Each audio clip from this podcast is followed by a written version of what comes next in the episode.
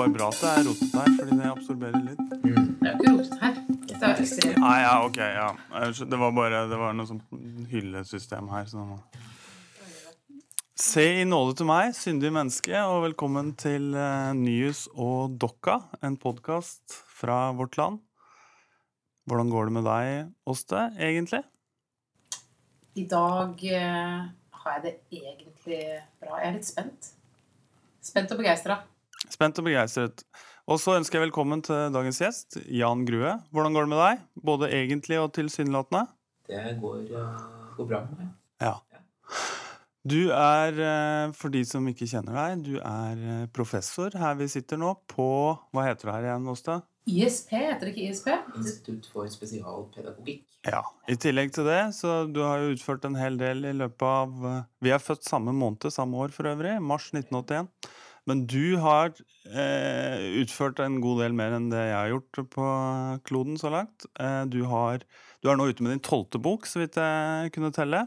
Ja, jeg tror Eh, og jeg har eh, skrevet en slags blurb til den boka. Så den, hvis det var jeg som fikk æren av blurbe boka di, så hadde det gått sånn.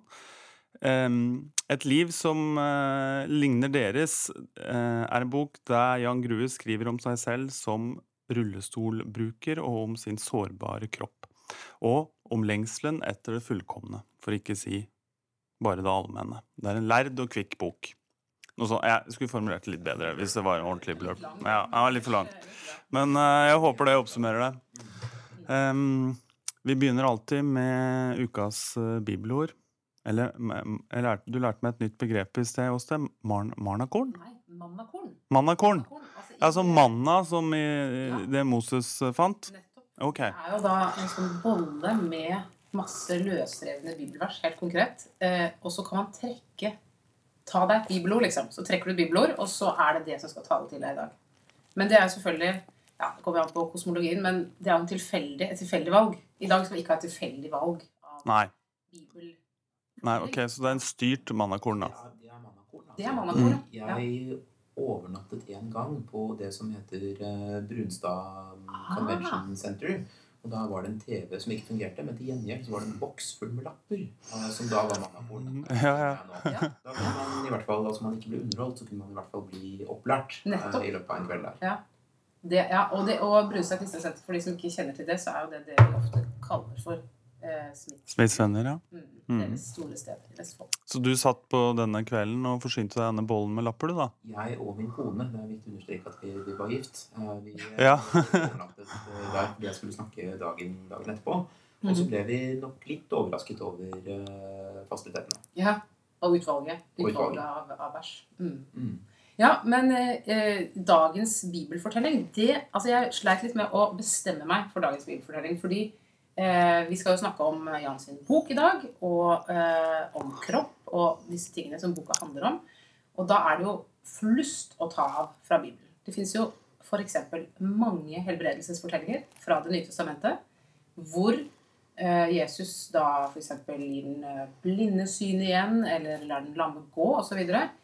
Men disse fortellingene er veldig ofte så knytter de sammen sykdom eller eh, funksjonsnedsettelse, eller, og spesielt også psykisk sykdom, med synd. Ja. Her er det et eller annet i det livet som må tilgis for at eh, helbredelsen, helbredelsen skal kunne skje. Mm. Eh, og det er jo selvfølgelig eh, Det er jo en, en struktur som, som er problematisk på veldig mange nivåer. Eh, og, og spesielt kanskje dette med psykisk sykdom. At det gjøres eh, man, eh, Jesus snakker ofte om en demon ikke sant, som har tatt bolig i dette mennesket, og at det skal drives ut osv. Så, videre. så jeg tenkte kanskje vi ikke skal ta en av de fortellingene, Nei. men en annen. God idé? Ja. Ikke fordi de ikke finnes, men fordi de kan, de kan ligge som et slags bakteppe. Um, og da tenkte jeg på uh, hvordan både Lukas og Johannes forteller om uh, hvordan Jesus kommer tilbake og viser seg for disiplene etter oppstandelsen. For da Mhm. eh, strekker jo Det er Thomas som ikke er helt sikker på hvem denne mannen er. ikke sant? Er det, er det, Er det virkelig han? Ja. Mhm. Eh, og så sier han eh, strekker han sine sårmerkede hender fram og eh, sier eh, det er meg. Du kan ta og kjenne eh, på sårene mine. Eh, og det er jo blitt malt, eh, for. Det er et veldig kjent motiv. Det er et veldig kjent bilde av Caravaggio eh, hvor eh, Thomas stikker fingeren litt for langt inn, syns jeg. Det har alltid plaget meg. Jeg synes det, det, sånn, eh, det vekker et slags ubehag hos meg. Inn i sidesåret. Men det er vel et eh, teologisk poeng at han stikker fingeren langt inn, kanskje? Er det? Ja, det kan hende. Nei, ja, nå spør jeg teolog eh, og doktoren her. Noe av det som er interessant med den fortellinga, er jo at eh, Jesus er jo da oppstanden, men har sår. Altså fordi oppstandelsen i kristen tro er jo knytta til, også til helbredelse, til fullkommenhet, menneskelig fullkommenhet. Men han kommer inn dit og bærer eh, sårene og eh, spor av det livet han har levd, og den døden han har levd. Um, Og dette forteller deg hva? Eh, Det forteller meg jo noe om at eh, det ikke er entydig at um, tankene om oppstandelsen må innebære eh, menneskelig fullkommenhet på den måten som vi ofte tenker på det som. Altså, Helse og frelse er ikke synonyme, for å si det sånn. Nei. Så enkelt som man kan få inntrykk av hvis man kun leser helbredelsesfortellingene. Og i tillegg så bryter jo eh, Thomas ved å ta på Jesus, så bryter han tabuet ved å berøre liksom, urene kropper. Eh, det syns jeg også er veldig interessant. Er dette noen, eh, en historie som vekker noe slags gjenklang hos deg, Jan? Det er mange ting der som det går an å snakke om. Og det er klart den sånn litt ubehagelige intimiteten du snakker om der, er veldig present. Altså, Mhm. Sårbare kropper er, er vanskelig å forholde seg til eh, i de aller fleste, fleste sammenhenger. Men jeg ble også mm, interessert i det du sa om eh, dette med at den oppstandende kroppen faktisk fremdeles bærer de sårene. Mm. Det er også den kroppen som da har tatt på seg um, alt dette fra, fra, fra menneskeheten Mm. eh, som sådan. Så at helbredelsen ligger jo da et, et annet sted. Ja. Eh, så mm, logikken er der fremdeles. Og den bærer vi jo med oss eh, ennå. At fra den, sånn, fra den, den mirakuløse helbredelsen så kommer jo også medisinens fortelling om eh, helbredelse som frelse, som på mange måter har, altså, har, har styrt vårt samfunn og styrt vår kultur. I hvert fall gjennom veldig mye av eh, 1800-tallet og 1900-tallet. Sånn helt siden medisinen begynte å faktisk virke. Mm. eh, Som vel var noe som begynte å skje på sent 1800-tall. At man, man gikk fra å være en sånn en profesjon eh, som, som gjorde vondt verre, eh, til å bli en profesjon som faktisk kunne helbrede en del sykdommer. Eh, Man kunne gjennomføre kirurgi uten å nødvendigvis ta, ta livet av folk. Og så har du medisinens gullalder, som man ofte snakker om som 1930-tallet til 1970-tallet. Hvor du får antibiotika, og du får nye teknikker og en ny sånn, forståelse av eh, menneskekroppen. Eh, og man kan gjøre helt andre ting enn man gjorde tidligere. Men da strekker man seg også mot den totale helbredelsen i, Mm. i alle sammenhenger. Som jo er et veldig vanskelig mål å sette seg. Ja, jo, men jeg tenker at medisinen her går jo inn og tar på en måte over en både en, eh, kanskje i første rekke en teologisk tanke om at, eh, at vi, vi går mot fullkommenheten. Altså en slags eh, sant? En, en ny himmel og en ny jord. Eh, men også en politisk tanke om utopien. Altså at, at det, det klinger sammen. At, vi, at hele kulturen vår er gjennomsyra av en sånn der tanke om at en dag der framme så skal det inntreffe. Enten ved vår kraft eller ved en guddommelig kraft. En ny verden. man Eh, finner jo dette her nedfelt i, rett og slett i, hos Verdens helseorganisasjon. Ja. sant? Som i sin, um, holdt jeg på å si, sin, sin store eh, visjon fra, fra etterkrigstiden definerer helse som et totalt fravær av, av fysisk og psykisk ubehag. Mm. Det er, eh, så, Mm. Hvem er i perfekt helse? Det, det er ikke mange. mm. Da må jeg jo gripe tak i din forrige bok òg, som heter 'Det blir ikke bedre'. Der, eh, der følger vi en byråkrat som har som ambisjon eh, om eh, at Norge skal bli verdensledende på lykke. Han jobber for å optimalisere befolkningens lykkenivå. Eh, og noe av det han tilbyr, er en slags, et valgt dødsøyeblikk hvor de kan gjenskape en favorittscene fra en film, f.eks. Um, og for, å få da denne, denne, denne glorifiserte døden til slutt. Um, ja, hvor ville jeg egentlig med dette her hen, eh, Men, eh, men det, poenget er jo at du har skrevet mye om forholdet mellom lykke, livskvalitet og sårbarhet nå gjennom en årrekke. Ja, ja da, gjør jeg jo på en måte ikke annet enn å se meg litt rundt. Altså I den boka så jobber jo den karakteren du snakker om, i et sånn mer sånn sammenslått nærings- og helsedepartement. Og nå i forrige uke så ble det jo kunngjort at det nå for første gang skal utarbeides en stortingsmelding i samarbeid mellom Næringsdepartementet og Helsedepartementet. Så boka kom ut i, i 2016, og det var jo ikke lang tid det tok da før jeg ble tatt igjen på oppløpssiden av um, begivenhetenes gang. Ja. Men det er jo fordi man ser, man ser jo altså, Helseøkonomi er et kjempestort felt, eh, og man ser målbar livskvalitet eh, som et veldig sånn etterstrebelsesverdig politisk mål. ikke sant? At man skal ha et brutto nasjonalt eh, lykkeregnskap og alle disse, disse tingene. Det handler om selvfølgelig om et, et genuint ønske om å gjøre menneskers liv bedre, men da helst på en måte som kan måles og telles og veies, og som gjør at vi kan sammenligne oss med, med andre land. Har du lyst til å Ja, vi må hoppe tilbake til den nye boka. Dette var bare et Ja. sveip innom uh, for å få litt mer bakteppe. Fortsett, Åse. Ja, det er kjempefint. Ja, nei, jeg tenkte, jeg har lest boka di med stor interesse. Jeg syns det er en veldig velskrevet bok. Og jeg jobber jo i forlag sånn ellers. Uh, Og jeg ble litt misunnelig på det forlaget som har fått en så god sakprosabok i henda. Uh, Men jeg tenkte eh, Du skriver jo mange interessante ting. En av de tingene jeg beit meg merke i, er jo en sånn liten passasje du har hvor du skriver om en drøm om at det, som du sier, ikke er noe galt med meg i det hele tatt. Og så en liten, så en liten refleksjon rundt det, og så sier du det er ikke noe galt med meg. Eh, Så hvor kommer den forestillingen fra? Eh, Og det, da lurer jeg på ja, er det noe galt med det? Hva vil du svare på det spørsmålet? Det er eh, Altså, svaret på spørsmålet er på mange måter hele boken. Mm. Uh, fordi det er jo en, en bok som handler om en gradvis bevisstgjøringsprosess. Uh, I tillegg til, til mange andre ting. Um, og så er det ikke sant, noen av disse tingene er rekonstruert etter hukommelsen. Men jeg skriver jo også om hvordan det var å være et barn som vokste opp med uh, to supre foreldre og en lillesøster. I en familiesfære hvor jeg aldri følte at jeg var annerledes eller noe på, på, på noen måte var noe feil med meg. Så min første opplevelse av det å, måte, å være et problem, eh, det fikk jeg jo i møte med skolen og med sant, institusjoner utenfor familien.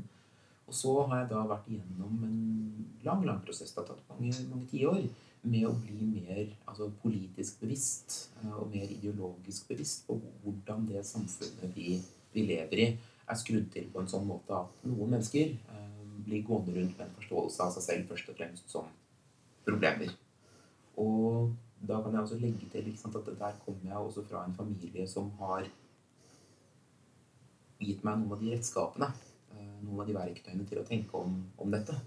Um, De tilhører jo ikke sant, de tilhører venstresiden og har vært kritiske til veldig mange ting i samfunnet opp gjennom sine, sine liv. Um, Men da kanskje særlig de sånn strukturene som, som skaper og forverrer eh, sosial ulikhet og marginalisering. Mm. Og det er klart at En konsekvens av det å bli marginalisert, det er at du ender opp ofte med å internalisere og gjøre til dine egne problemer det som egentlig er strukturproblemer i, eh, i samfunnet. Det er sånn veldig mye rasisme arter seg. Så at man går rundt og tenker at jeg er mindre verdt fordi jeg er mørk i huden. eh, Fordi det er et budskap som blir hamret inn i deg hver eneste dag. Det er jo forholdet mellom det samfunnsmessige, strukturelle og det personlige. eh, Den egne oppfattelsen av hvem jeg er, osv. Og, så og jeg kunne tenke meg å snakke litt om det derre eh, Hva man Altså det mer ideologiske i det. Hva man tenker. Fordi jeg begynte å lete litt i noe teologisk litteratur om eh, altså sånn disability studies som har blitt bedrevet der. Og da kom jeg over en Deborah Creamer som sier at altså alle mennesker har jo begrensninger. Alle mennesker har grenser. Eh, fordi jeg ikke kan fly, så er ikke det et problem. Det er bare sånn jeg er. Altså, menneskelivet er begrenset, og det har eh, Det er ikke egentlig noen forskjell på begrensninger. Eller de forskjellene som er mellom begrensninger, er ikke av vesens eh, Det er ikke vesensforskjeller. Det er bare en, en, en gradsforskjell. Eh, og at man også kan begynne å tenke om grenser som noe, eh, også noe som kan være positivt. Som kan være avgrensende i god forstand.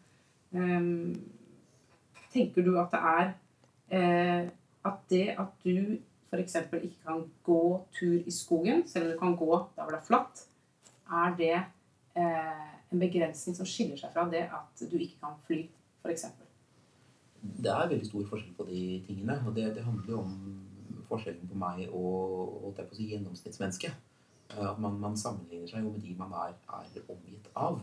Eh, Så det er klart at det er en forskjell, eh, både i, i verdenserfaring og i, i sosial erfaring. Um, så jeg, jeg har en annen kropp enn gjennomsnittskroppen, og det, det preger um, hvordan jeg forholder meg til verden. Uh, men jeg tror at det, det, er, det er viktig å tenke på dette her med begrensningene vi, vi alle deler. Og det er også en sånn ting som har å gjøre med, tror jeg, aldringsprosessen. Å bli voksen og skjønne at det er, det er en god del ting som jeg aldri kommer til å gjøre. På samme måte som de alle innser det etter at det har gått noen, noen år. At det, vi, vi lever det livet vi lever. Eh, Noen ting er rett og slett ikke mulig, og noen ting er ikke verdt å å strebe etter. Så bruker jeg meg selv som kanskje et litt sånn tydeligere, litt, litt mer ekstremt tilfelle enn en mange andre. Men jeg tror at det, det er ting der som, som burde gi litt gjenklang. Um, mens den andre tingen som, som har litt å gjøre med det, det er jo også litt det å synliggjøre den gjensidige avhengigheten. For det er, jo, det er jo mange mennesker som jeg tror går rundt med en sånn illusjon om at de klarer seg alene. Uh, som egentlig bare er mulig hvis man klarer å glemme uh, hele samfunnet man lever i. Mhm. Ikke sant? Altså de sånn strukturene og usynlige mekanismene som gjør at du kan spise mat hver dag. Um, og overleve fra, fra minutt til minutt. Ikke sant? Det er jo, vi lever jo litt sånn i apokalypsefortellingenes tid. Mm. eh, og vet på en måte hvor, hvor nært vi er det totale sammenbruddet i, i strukturene. Men samtidig så, så klarer vi å lukke øynene for dette her. At vi, vi alle er understøttet av, alle, av andre mennesker til enhver tid. Det er en scene i boka hvor, ehm, hvor det er snakk om på skolen å installere automatiske døråpnere. Men så, eh, hvis jeg husker rett, så er det slik at da sier lærerne nei til dette. Fordi det, det som skjer når det ikke er automatiske døråpnere, er at de andre elevene tvinges til å hjelpe deg med å åpne døra.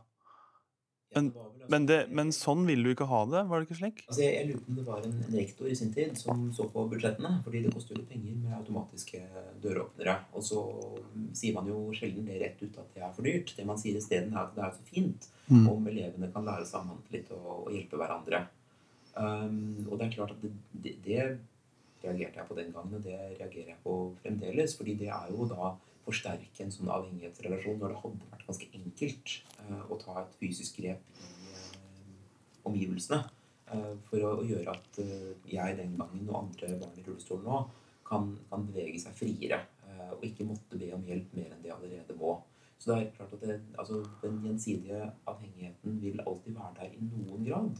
Men samtidig så har vi noen teknologiske ressurser. og jeg er jo veldig for å bruke de teknologiressursene for å, å jevne ut og kompensere mm, litt. Grann. Ok, altså det er en grenseverdi her, da. Fordi eh, på den ene siden så ønsker du vel å pode inn at vi er avhengige av hverandre som vesener. Mm. Men det å, å, å forsterke den eh, avhengigheten Mm. eh, når det kan tas ganske enkle teknologiske grep for å gjøre en del mennesker i stand til å operere mer uavhengig eh, og dermed bli friere. Ja, nei, det, jeg jeg ser hva du spør om. Det er en, eh, det er en balansegang. Men jeg tror at det er eh, Man kan synliggjøre avhengigheten uten å, å forsterke den. Mm. Men det er, jeg tenker jo at eh, jeg bet meg også merke i den scenen, og jeg tenkte at der ligger det jo også en slags type tanke fra rektors side, eller i hvert fall i retorikken, om at din sårbarhet skal lære de andre elevene noe. Altså hvor du Mm. blir en pedagogisk ressurs, på en måte, eh, eller et instrument, på en måte. Ja, og det, det var nok også det som jeg reagerte så sterkt på den gangen. Ja. Det var veldig tydelig at her skulle, her skulle jeg være et eksempel for andre. Mens hvordan jeg opplevde ting i, i mitt liv, det var ikke så farlig. Ja. Og hvor gammel var du her? Altså, Du hadde kanskje ikke det samme språket for det, men det var, det var en sånn intuitiv forståelse av det? Siden dette her var på, eh, på ungdomsskolen. Um, Så jeg var litt gammel nok til å bli ganske bevisst på hvordan disse tingene fungerte, uten at jeg nødvendigvis hadde Du hadde ikke lest Kant ennå, og, og dette med at mennesket ikke skal være et middel osv.? Ja, nei, jeg tror ikke jeg helt hadde begynt på kant på Nei. Nei, selv om du er, du er en sprenglært type, men jeg. Det er rett rundt hjørnet. Jeg leste den litt der i dag på, på videregående uten at jeg nødvendigvis skjønte så mye av det.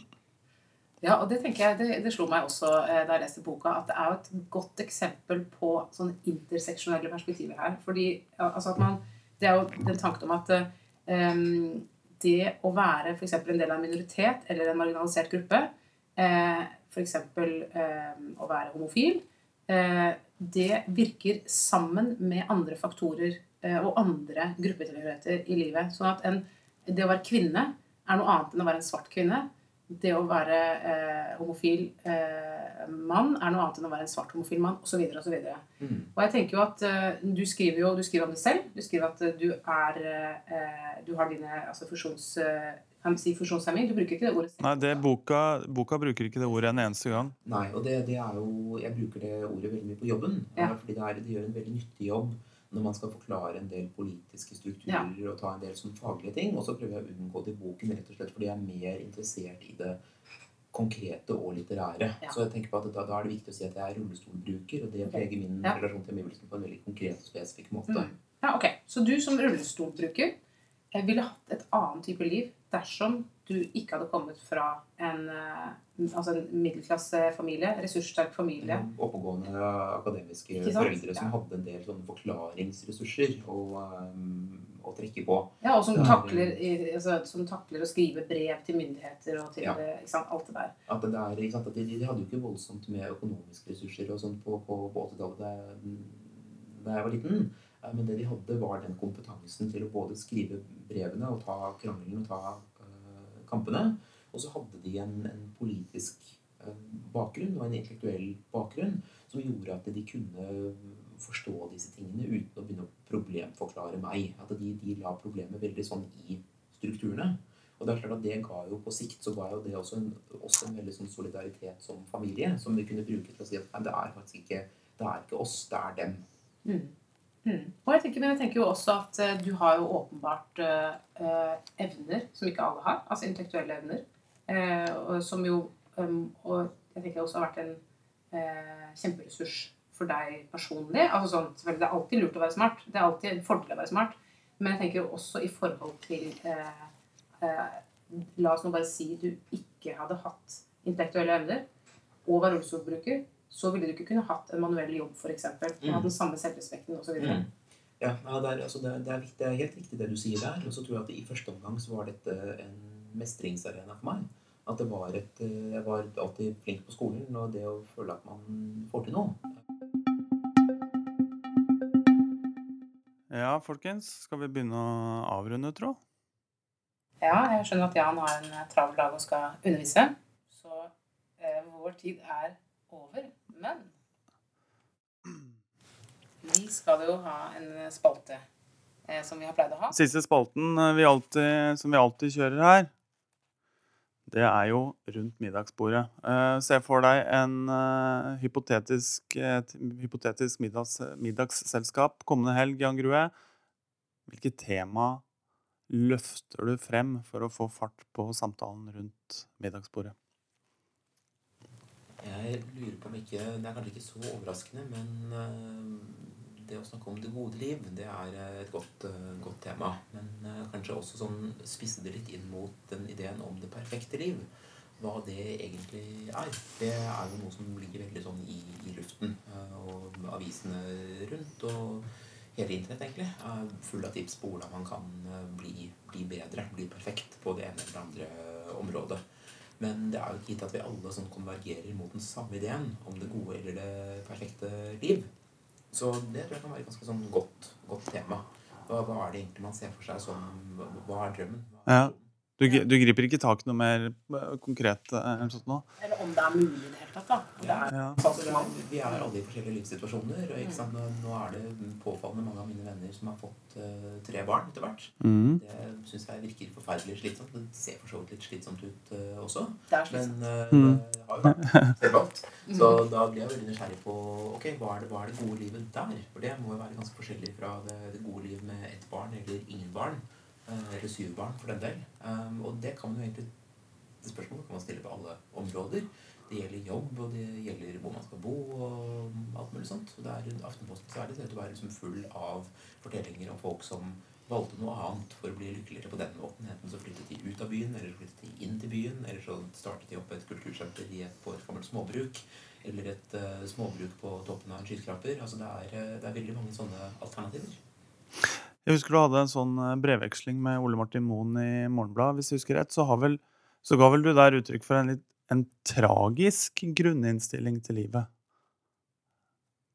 Er, altså, det det ja, du gjorde det, og nettopp derfor denne lyk, lykkeoptimaliseringen er, så, er en så fåfengt eh, strategi. Ja, altså det, jeg vet ikke helt hva um, jeg skal si om det. Altså det er nok sånn at jeg skjønner veldig den sånn impulsen mot å, å perfeksjonere menneskelivet. Og så tror jeg det er hvis- du tenker på tragisk som en, en sånn altså I den, den forstand at det her kan du, kan strebe etter et mål, uh, men det kommer ikke til å gå.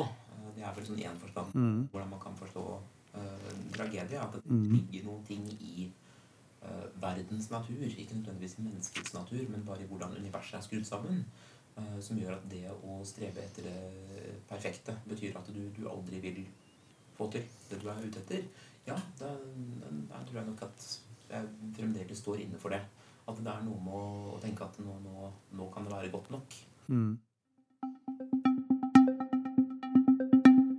Hva skjedde for noe nå, Åste? Mista vi Jan Grue? Vi mista Jan Grue, eller mikrofonen mista Jan Grue.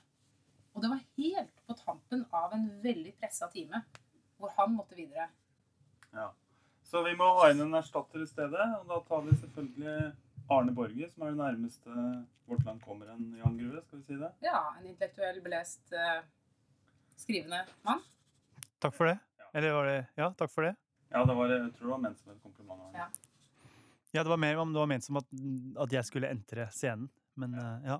Men da bare, vi bare fortsetter eh, middagsrunden. Ja, skal Skal vi ta, da tar vi deg, Åste.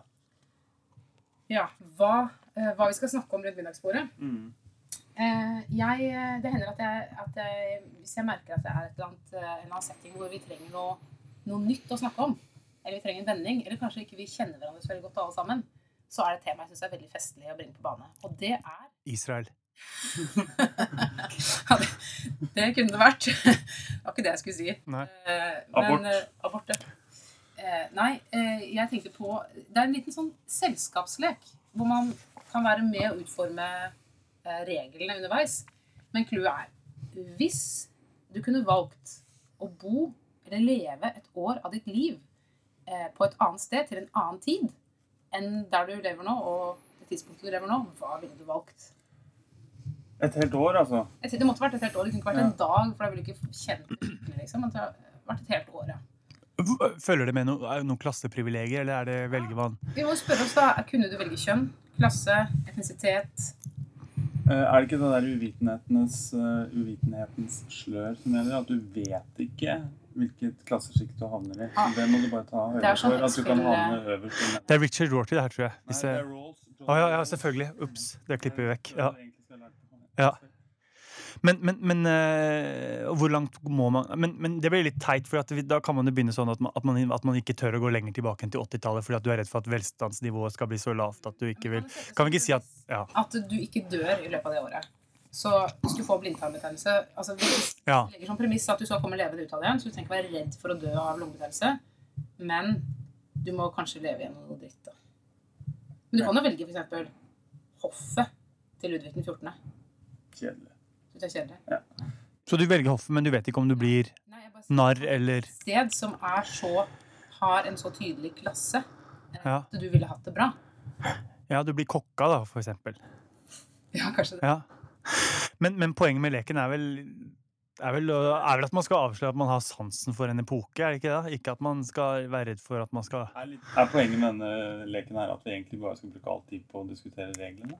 Ja, det er jo en side av det. Nei, men jeg synes noe av Poenget med leken er jo selvfølgelig det, er det der, ja, vi har det så bra i Norge og sånn, men det er jo også å bli kjent med eh, liksom de innerste lengslene til et menneske. Ja. Hva er det du er nysgjerrig på? Hva er det du, hva er det du syns er mest spennende? Jeg snakka med en prest som sa sånn, fortalte at han ville liksom vært i Kina da og da. Så sa jeg sånn Ja, men hva, hva ville du ikke vært i Galleria rundt år 30? Da Ja, for det er veldig- defaulten. Hæ? Ja. Ja. Det burde jo være det for en prest, men da blir han veldig skamfull. Ja, Det kan være avslørende. Hva har du selv svart, da? Jeg har eh, mange forskjellige egentlig som jeg er nysgjerrig på, men jeg har nok mest lyst til å leve i Oslo, eller Kristiania, da, rundt forrige århundreskifte. Eh, og liksom gå, gå forbi Grang, og der sitter Ibsen, liksom.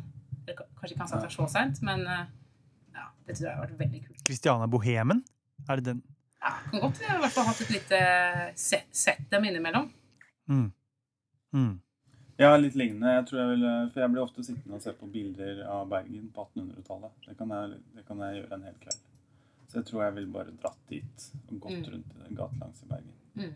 På ja, slutten av 1800-tallet. Ja, Ganske, ganske vilkårlig akkurat hvilket tall, Ja. årstall det måtte være. Men, og det var så, og så var Bergen, Bergen var jo Nord-Europas tettest befolkede by angivelig på den tiden. Så det virkelig krydda folk. Mye, mer, mye flere folk som bodde i Bergen, tett i Bergen på den tiden enn i dag. Mm. Så da var det bare sånn barn som løp rundt og kasta på stikka og hva det nå heter. Alt sammen. Overalt. Kjempegøy. Så du vil leve i den Jon Fosse-trilogien, du da? på en måte? Ja, Ja, altså, det var 1700-tallet. Var det 1800-tallet du sa? ja. Ja, ok. Ja, visst, ja. Og sikkert sånn utedoer og sånn overalt. Ja. Det er gøy. Ja, det er jo Gøy. Hva med deg, Arne? Ja, jeg tenkte på at Du sa at det der, dette med at det avslører ens innerste lengsler, men det kan jo også avsløre at man ikke har noen lengsler. Da. Det er jo enda verre, tenkte jeg. For at jeg sliter veldig med å komme på liksom, noe annet enn det jeg har sett i en Woody Allen-film. på en måte. For at det, det, det jeg tenker umiddelbart, er jo liksom den derre europeiske mellomkrigstida. da, Tidlig 20-tallet eller noe sånt. nå selvfølgelig, Men det er jo liksom, jeg føler meg litt som en klisjé da, når det er liksom den uh, Skuddene i Sarajevo. ja, nei, mer kanskje sånn uh, The Roaring Twenties, da, eller liksom det, i Paris. Uh, den derre med, med amerikanske kunstnere og hele, hele bøtteballetten, da. er Jo, det er det.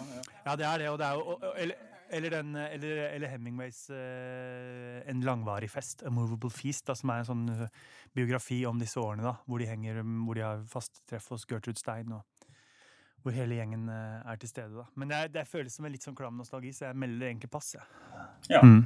Når du er i et middagsselskap, da, hvordan er det, hvordan er det du får tida til å gå? Som en, Ja. Ja, for jeg syns det er veldig vanskelig å ha med, ha med meg et, et sånt tema eller en sånn selskapslek. Det føles, for meg så blir det litt sånn gim, gimmickaktig. da. Ehm, så så det, det jeg pleier å gjøre, er at jeg begynner å spørre folk hva de holder på med. Og det er jo vanlig, da. Eh, hva du jobber med, først og fremst. da. Og hvis, eh, så håpe at de har en jobb, da. Ellers så, ellers så får jeg ta en ny vending på samtalen. Nei, ellers så kan jeg finne på en, en hobby eller en interesse. Eller om de er sikkert med i et lag eller spiller en sport eller noe sånt. Hvor de har vokst opp er jeg veldig opptatt av. Det har jeg arva veldig av faren min. er En ekstrem fascinasjon for uh, norske steder. Og hvor mye man kan snakke om dem. Ja, Hvis jeg har ved siden av noen, så begynner jeg alltid å spørre Ja, den dialekten der var det Ja. er litt ekstra lett å plassere. Men når folk sier sånn eh, Ja, jeg kommer fra, fra Eid, så sier jeg OK. For jeg har ikke peiling på hvor det er. Det, så er det kanskje stopper på 200 steder i. Norge Ja. Ja, ja, ja du spør ikke hvilken eid, da. Da sier de sånn Det er bare én Eid. Oh, ja. men, men poenget i hvert fall da, altså da mitt, Min strategi er da, siden, jeg er veldig glad i å snakke om meg sjøl, og da regner jeg med at også andre er glad i å snakke om seg selv, så eh, bare graver jeg videre og videre i, i det de holder på med. Eh, og, men det som kanskje skjer overraskende ofte, det er at det virker etter hvert som at folk går lei av å snakke om seg sjøl, i hvert fall på den måten jeg snakker med dem. At de, at de liksom tenker at nå, okay, nå har jeg snakka lenge nok om det her. Liksom, det, er, det er offentlig forvaltning, det det er så og så lenge, og så er det ikke så spennende å snakke om, liksom. Uh, Og- Du gir deg det. ikke nå? jeg gir meg, jeg tar ikke hintet. Jeg, fortsetter, jeg maler videre. Og da må du kanskje si ja, hvordan er det liksom, hva skjer med regjeringsskiftet? Hvilke konsekvenser får det for dere i forvaltningen? Og ja, hvordan er det nå sammenlignet med forrige regjering? Og, og så, men folk er ofte ikke så veldig interessert Det er ikke alltid folk er så interessert i sin egen jobb heller, tror jeg. Eh, det kan nok være noe man skal Kanskje noe man skal tenke på når man har en privilegert jobb som vi har. da, At ikke alltid folk syns det er så spennende å snakke om sin egen jobb. Men det er i hvert fall det jeg gjør, da. Så jeg snakker og snakker om denne jobben, da. Og så håper, egentlig så håper jeg at de skal på et eller annet tidspunkt spørre meg å ja, men hva er det du gjør, da? Mm. Men, eh, men det, det De har kanskje ikke så lyst til å holde den samtalen gående så veldig mye lenger, da, for de kanskje synes det er litt slitsomt. Blikket flakker. Plutselig er det forsvunnet. Ja. De skulle være på do, og så kom de ikke tilbake. Ja, ja, ja. Men da er det bare å lete etter, finne, finne noen andre, da, og stille nye spørsmål. Men jeg pleier jo stort sett, jo stort sett å, å snakke med mine egne på fest. da, Jeg må innrømme det. At når jeg går på fest, så har jeg mest lyst til å snakke med Men nå snakka vi kanskje ikke om fest? Middags. Ja, nei, vi ser for oss et mer sånn dannet borgerlig setting. Det er hvert Ja, konversasjonskunst er det du er ute etter, da. Jeg vil ikke være hverken borgerlig eller dans, men jeg bare så for meg at vi satt rundt et bord, og at det ikke var sånn veldig mange der. Ja. Nei, men samtidig at alle fire eller fem deltar i samtalen. Du, du snakker mer om en tomannssamtale. Jeg liker jo godt å være liksom en sånn type som på en måte viser at ja, her kommer det en fyr som har lyst til å snakke om ordentlige ting, liksom, som ikke har bare lyst til å snakke om været. da. Som er sånn som kan trekke opp en politisk eller moralsk debatt som går i samtida, da, uten at det skal være altfor uh, pikant. da. For liksom at nå, ja, nå kan vi ha en viktig samtale her, liksom. Jeg prøver, mitt mål på, når jeg skal på middagsselskap eller fest, er å ha en morsom samtale. Men du er mer på Nei, jeg har ombestemt meg nå. Jeg vil at det skal være morsomt mest, okay. egentlig. Jeg vil, men eh, men, men eh, Jo, jeg vil mest det skal være morsomt. Okay. Jeg vil egentlig det. Men, men jeg vil gjerne snakke om liksom, ting som er jeg i nyhetsbildet eller noe sånt, da. Det, det er under din verdighet å begynne å snakke om Bahare Letnes og Nei, det er ingenting som er under min verdighet altså, når det gjelder å snakke om ting. Det, er det, det kunne gjerne snakka om det. Men jeg er egentlig enig med oss at det viktigste når jeg snakker med noen, særlig folk jeg ikke kjenner, og det er at det skal være morsomt. Helst hele tida. Men Og du, Håvard, er det noe morsomt det du skal komme med? Eh, nei, og i hvert fall ikke nå, for jeg har fått en, uh, fått en slags instruks fra abonnentsavdelingen her om at jeg skal tipse lytterne om at vi har en superkampanje på vl.no-10 for 10. Og 10 for 10, det er at du får avisen Vårt Land i ti uker for bare ti kroner. Det er ganske bra, da. Det er ganske bra. Litt Ja. dårlig tema til, eh, til Det, ja, det, middagsselskapet. ja, men det kan jeg jo ta til et middagsselskap. Det er mye konversasjonsstoff Ja, i vårt land, da. Folk å snakke, og, å ja, hvordan er det der med paywall og nye og... Nei, jeg tenkte mer på innholdet i avisa, jeg, da. Folk er veldig nysgjerrige på sånne digitale strategier òg, faktisk. Litt sånn utomhus. Eh, Det slår meg en gang til gang. Jeg, forstår det ikke, men, eh, men jeg registrerer at sånn er det. Kanskje du bare møter borti sånne arner som spør og spør og spør. Ja, det er det. Uh, nei, men jeg tenkte jeg skulle avslutte med et uh, lite haiku-dikt.